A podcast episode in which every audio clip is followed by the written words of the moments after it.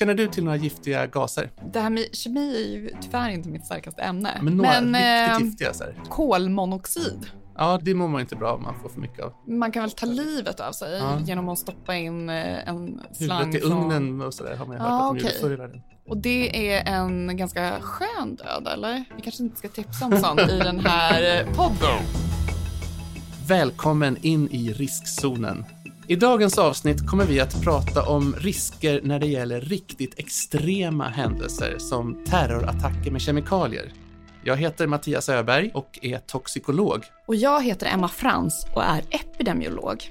Vi är båda verksamma som forskare vid Karolinska institutet och i den här podden undersöker vi risker, livets oförutsägbarhet och hur vi kan hantera alla de faror som omger oss. 20 mars 1995 är det en vacker måndagmorgon i Tokyo. Solen skiner och körsbärsträdens knoppar börjar slå ut medan miljontals Tokyobor tar sig till sina arbeten och skolor. I tunnelbanan är det trångt. Tokyos tunnelbana är världens mest trafikerade med sina 8 miljoner resenärer varje dag. På stationen Chin och Chanomitsu, som ligger i det centrala affärsdistriktet Chioda är det rusningstrafik.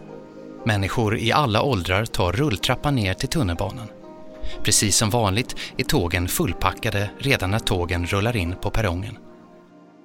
Det bildas nästan som en våg bestående av mörka kostymer som smidigt rinner ut ur tåget för att några sekunder senare rinna in igen när nya passagerare kliver på. Tunnelbanan är Tokyos blodomlopp och när dörrarna stängs verkar allt vara som vanligt. Men strax efter att tåget lämnat stationen för att fortsätta färden söderut börjar människorna känna en märklig doft. Den är inte särskilt stark. Någon tänker att det påminner om något, kanske lacknafta. Men plötsligt börjar luften kännas tjock och passagerarna börjar hosta. Först diskret för att inte genera sig inför sina medresenärer, men snart blir hostningarna kraftigare. Allt fler kämpar för att få luft. Samtidigt får människorna allt svårare att kontrollera sina rörelser och stå upp. Musklerna krampar och de börjar falla mot varandra i den trånga vagnen. Det bränner i bröstet och det börjar bli svårt att se klart. Tåget fortsätter genom tunneln som om inget hänt. Samtidigt börjar det bubbla fradga ur munnen på passagerarna och någon kräks okontrollerat.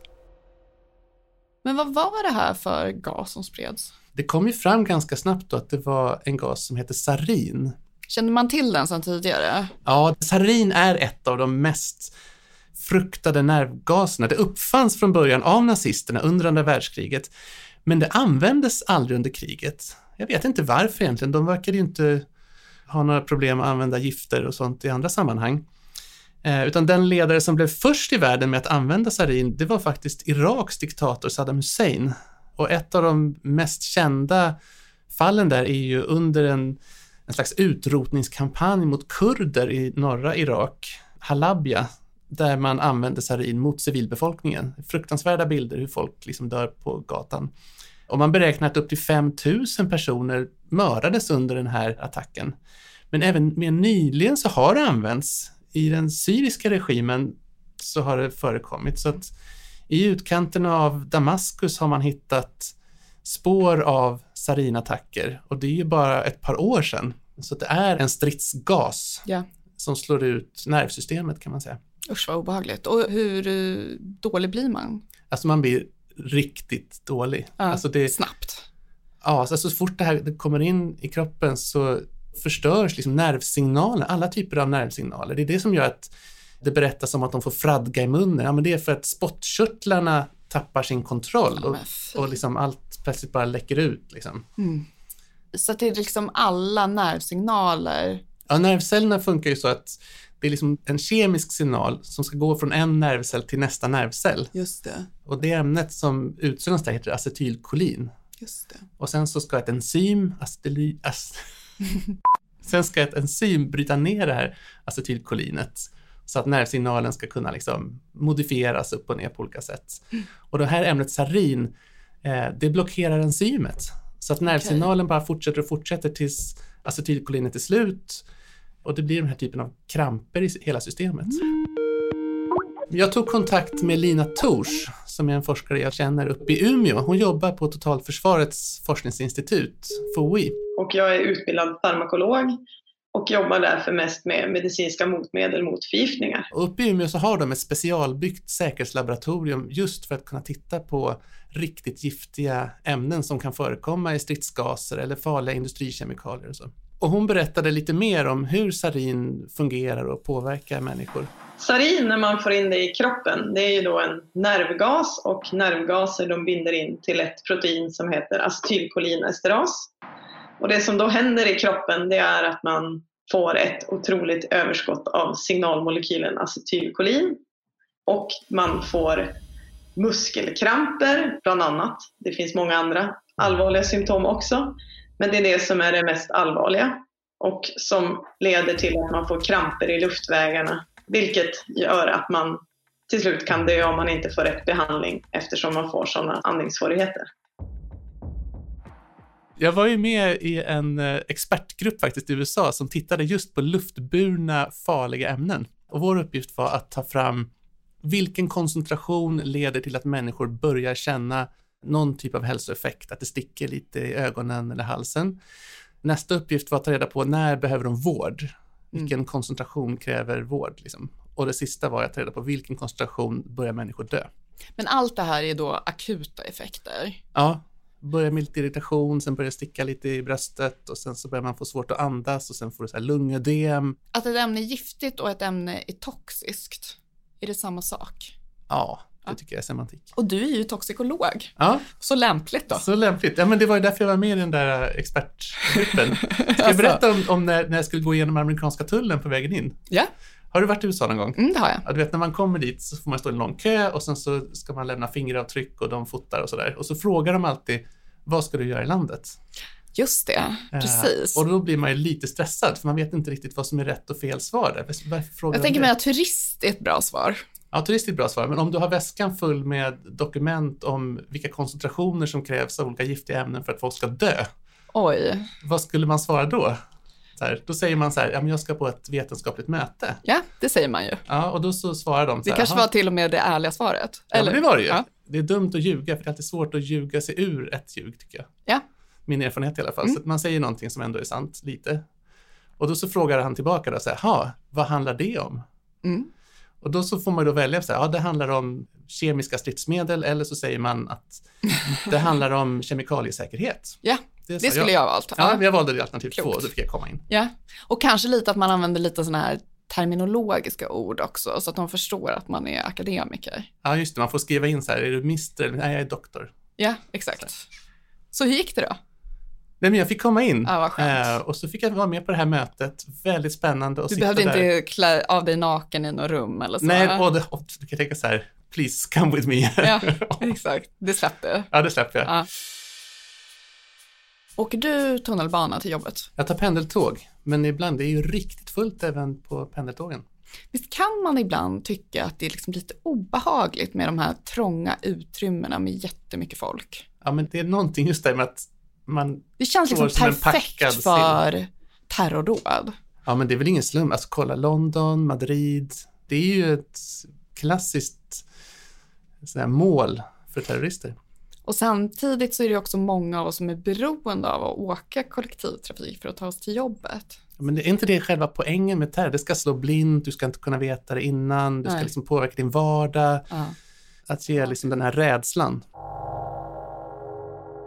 Aftonbladet 21 mars 1995. Han heter Shoko Asagara och leder en ny aggressiv religiös grupp som nu misstänks vara inblandad i gasattacken mot Tokyos tunnelbanesystem. Sekten har de senaste åren flera gånger figurerat i mystiska fall med nervgas. Dock inget så överlagt och planerat som gårdagens dåd. Det visar sig vara den japanska domedagssekten Om Shinrikyo som ligger bakom terrordådet. De har i en synkroniserad attack släppt ut sarin i fem tunnelbanetåg på olika linjer samtidigt. Domedagssektens medlemmar har haft påsar fyllda med sarin med sig ombord på tunnelbanan. Strax innan tunnelbanevagnen ska lämna stationen har de punkterat påsarna med spetsen på sina paraplyer och släppt dem på golvet. Därefter har de snabbt smitit ut ur tåget precis innan dörrarna stängts och tåget rullat vidare mot nästa station. När dörrarna öppnas på stationen efter stapplar människor ut med fruktansvärda symptom på förgiftning. De första som på plats försöker hjälpa skadade människor får snart själva svårt att andas. Strax därefter kommer en ny typ av räddningsarbetare. De bär heltäckande skyddsdräkter och gasmasker och går in i tunnelbanevagnen för att hjälpa de svårast skadade och leta efter källan till den giftiga gasen.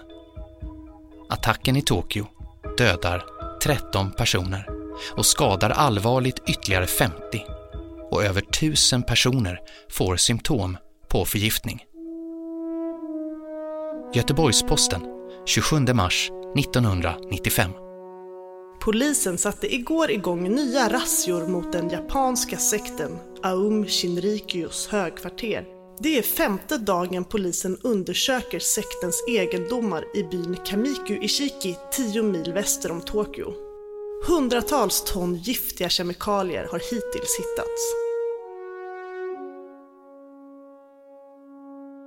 Finns det något motgift då? Tänker något som man kan ta om man blir exponerad så man har Exakt. chans att överleva. Ja. Ja, jag pratade faktiskt med Lina Tors om det där.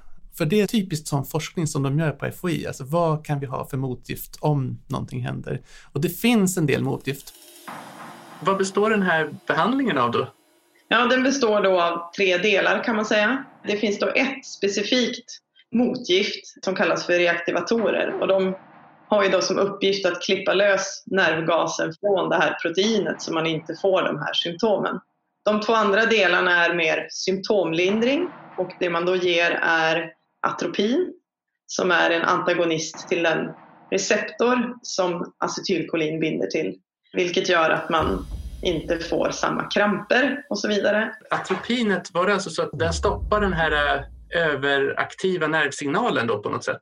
Exakt, så det man gör är att man vill avbryta att det fortsätter och signalerar. Och, Men finns det inte eh, en risk att man ger för mycket helt enkelt?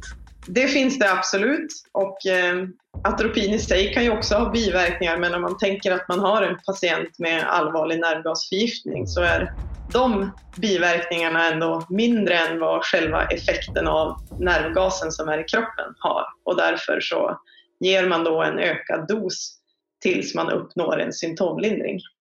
Och den tredje är då att man ger bensodiazepiner som inte alls binder till samma system som nervgasen verkar i, men den hjälper då att motverka kramper också. Men hur testar man sånt här då? Jag kan inte tänka mig att det är särskilt vanligt att folk får i sig sarin och man måste liksom snabbt försöka hitta en lösning. Nej, men en del av de här ämnena som jag förstår är ju läkemedel som används i andra typer av fall. Så till exempel för om du ska hämma krampanfall, ja men då finns det ju läkemedel som gör det i vanliga fall. Så du kan ju också använda... Okej, jag fattar. Så i det här fallet så tror jag till exempel att diazepam, ett läkemedel, alltså typ Valium, det är ett sånt här kramplösande läkemedel och då har vi ju kunskap från läkemedelsutvecklingen. Så det är ett sätt. Och sen görs det ju en del djurförsök. Det här är ju effekter som funkar väldigt lika i olika typer av organismer. Ja. Alltså nervsystemet ser ju ganska lika ut i både människor och djur. Är det kemiskt framställt det här ämnet? Sarin, Ja, ja, ja det finns inte naturligt. det är ingenting som du hittar naturligt. Nej, gud vad hemsk sak att ta fram. Ja, men de satt som jag förstår, den här sekten, de hade ju byggt upp ett eget laboratorium. De var väl inte jätteduktiga på att få det superhög kvalitet, men tillräckligt hög kvalitet på att... Gud vad obehagligt att man kan liksom ta fram det lite hur som helst. Ja, men det är väl därför som den här informationen är lite sådär, hur mycket ska man egentligen lära ut på kemistlinjerna? Precis. Men sen är det spännande det här att se vad, vad kan man använda den här informationen till? Expertgruppen. Vi vill ju ta fram det för att man ska kunna dimensionera räddningsarbete om det kommer ut ett utsläpp. Det kan ju vara en tankbil som välter eller en fabrik som exploderar, det behöver inte vara terrordåd. Och då är det viktigt att veta när behöver du viss typ av skyddsutrustning? Behöver du bestämma någon slags evakueringszon? Hur stor ska den vara? Då är det bra att veta vilken koncentration som är dödlig och vilken koncentration som bara är lite luftirritation. Men var du liksom orolig att den här kunskapen som ni tog fram också kommer användas kanske i krigssyfte? Det var ingenting jag tänkte på då faktiskt. Men så här i efterhand har jag funderat på, så här, men vem ska ha rätt att ha den här informationen? Vem kan använda den? Väldigt intressant att ställa den frågan till de här forskarna på FOI. Finns det andra typer av gifter som skulle kunna utgöra ett hot mot oss i Sverige? Absolut finns det andra gifter som eh, kan förgifta människor i Sverige. Men det är inget som du tycker är värre eller är något annat? Det är ju en information då som vi inte går ut med, utan eh, hur giftiga olika saker är och sätta dem i lister och prioritera dem, det är inte en kunskap man ska sprida i samhället. Men jag tänker mig idag också när det finns internet och liksom, kan man liksom googla sig fram till ett recept på sarin? Det går naturligtvis att få tag i den här typen av information och kunskap. Men jag tror både vi på universiteten och myndigheter försöker liksom begränsa det på ett sätt som gör att det inte ska kunna gå att användas hur lätt som helst. Det tror jag ändå var någonting som man diskuterade då när internet först kom. Just det här att kunna dela information, att liksom ta fram vätebomber, att alla skulle börja göra det. Men det har inte riktigt blivit så, eller? Nej, det är väl någonting i det här med kemikalier som ändå tror jag, det kräver inte bara kunskap, du måste ha laboratorier. Det är lite svårare än att, så att säga, sätta ihop en knippe dynamit liksom, och spränga någonting. Men är det så att det finns en massa gifter där ute som jag behöver gå omkring och vara rädd för? Så här, det finns väl en massa gifter där ute. Det är inte samma sak som att du behöver gå runt och vara rädd för dem. Och jag tror att det är ganska klokt att inte kanske publicera listor med precis vad som finns, hur mycket som finns, när de transporteras. Men däremot så behöver ju samhället ändå ha lite koll på de här volymerna så att man prioriterar på ett bra sätt och har en beredskap som matchar de kemikalier som vi har i vårt samhälle. Vi lever i ett kemikaliesamhälle. Det är klart att det finns farliga ämnen. Man ska inte sprida kunskap om hur giftiga ämnen är och lista dem. Men vad tycker du själv om det? Ska all kunskap spridas fritt? Det är väl lite, tror jag har varit min grundprincip ändå, att det är viktigt också med transparens. Att det är också viktigt för att få folkets förtroende. Jag tänker mig att hemlighålla information kan ju resultera i väldigt mycket olika typer av problem. Alltså eh, konspirationsteorier, den Exakt. typen av problem eller? Exakt, och liksom kanske att man misstänkliggör myndigheter, man misstänkliggör forskare. Alltså jag menar, det är ju klart att det finns eh, information som måste vara sekretessbelagd. Sen så tror jag ju liksom generellt så är det viktigt med transparens. Eh, jag tror att det är viktigt för att man ska ha förtroende för forskningsinstitut, förtroende för myndigheter, förtroende för politiker och andra aktörer. Men samtidigt, så jag menar, många är ju stora förespråkare för att man ska ha öppna data, vem som helst ska kunna gå in och titta. Och där handlar det ju också om att vissa personer, om man inte kan förstå data, då är det ju ganska svårt också att göra en rimlig analys av det.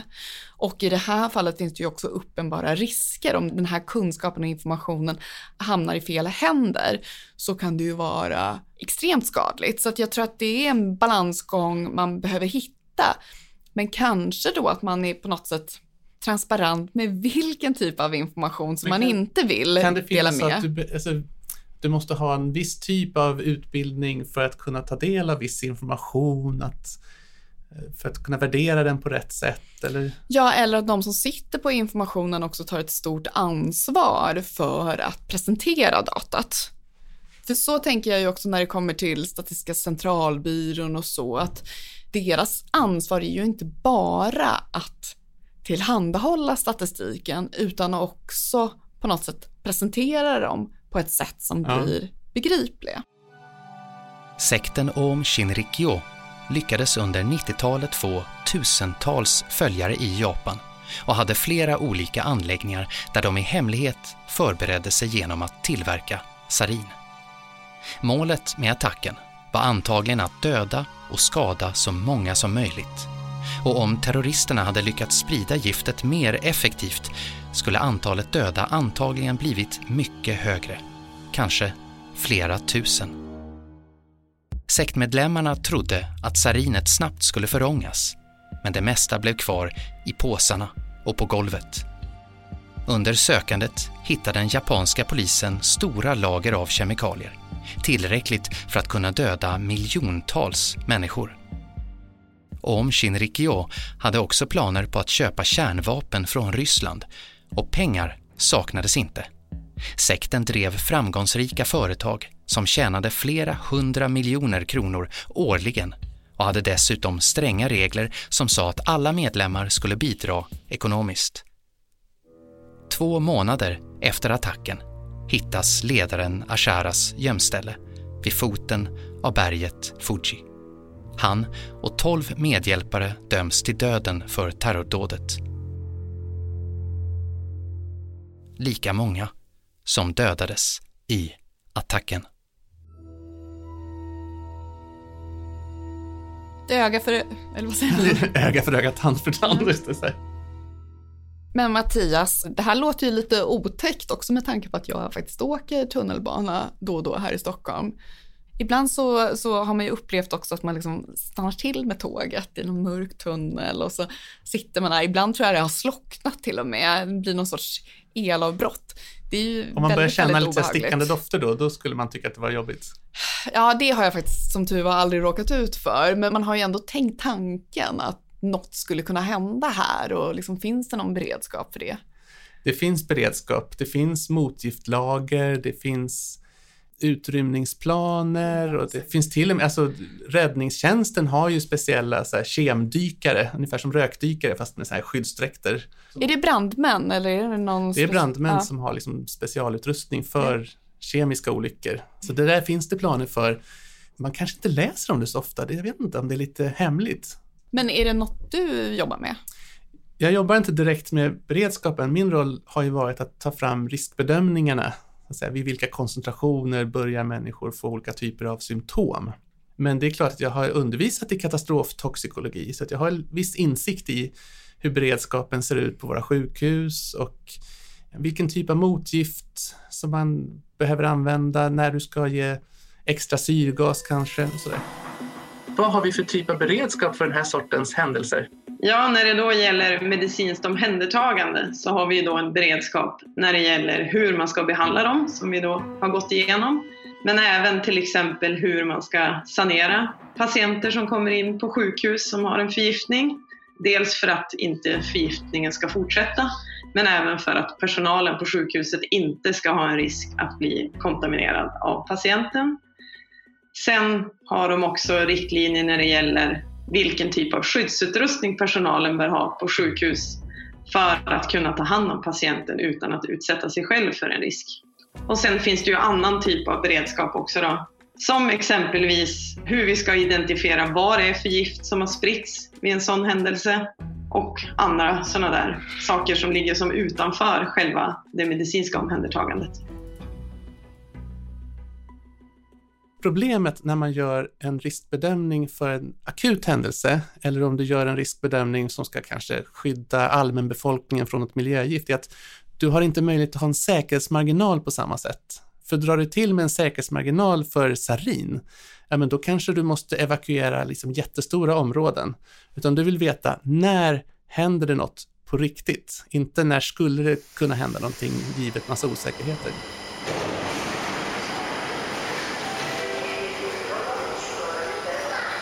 Varför känner man en oro när man tänker på liksom giftiga kemikalier just i en trång tunnelbanevagn?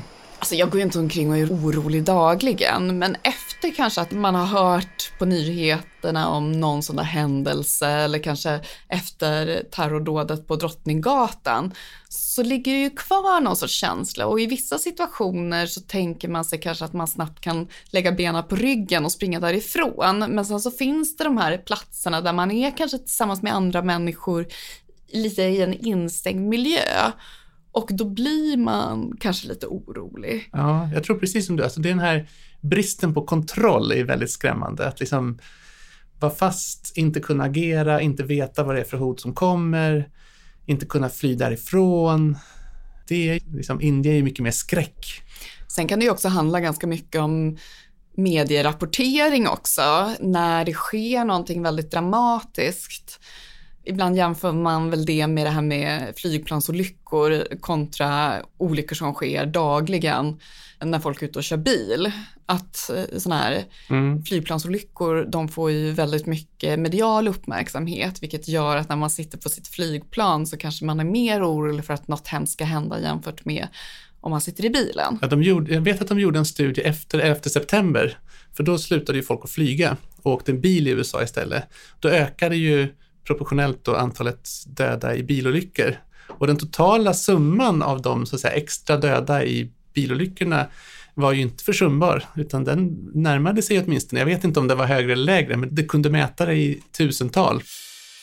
Jag tror att jag generellt kan tycka det är jobbigt med den typen av utrymme. Jag har ju haft sådana känslor ibland på, alltså när jag var yngre och var ute på nattklubbar, just när det var liksom något källarrum, jättemycket människor. Och där finns det ju också en del exempel när det har varit bränder som har mm. skett på diskotek och på nattklubbar och sånt är ju väldigt obehagligt när det är mycket människor på trånga ytor nu för tiden så hänger jag kanske mindre på nattklubbar och mer på i tunnel, tunnelbanor, tågvagnar. Det är mer hur mitt liv har utvecklats. Just det, från nattklubben till en kväll i tunnelbanan. Ja, men precis. Hette, fanns det inte en sån här noise som är så en kväll i tunnelbanan?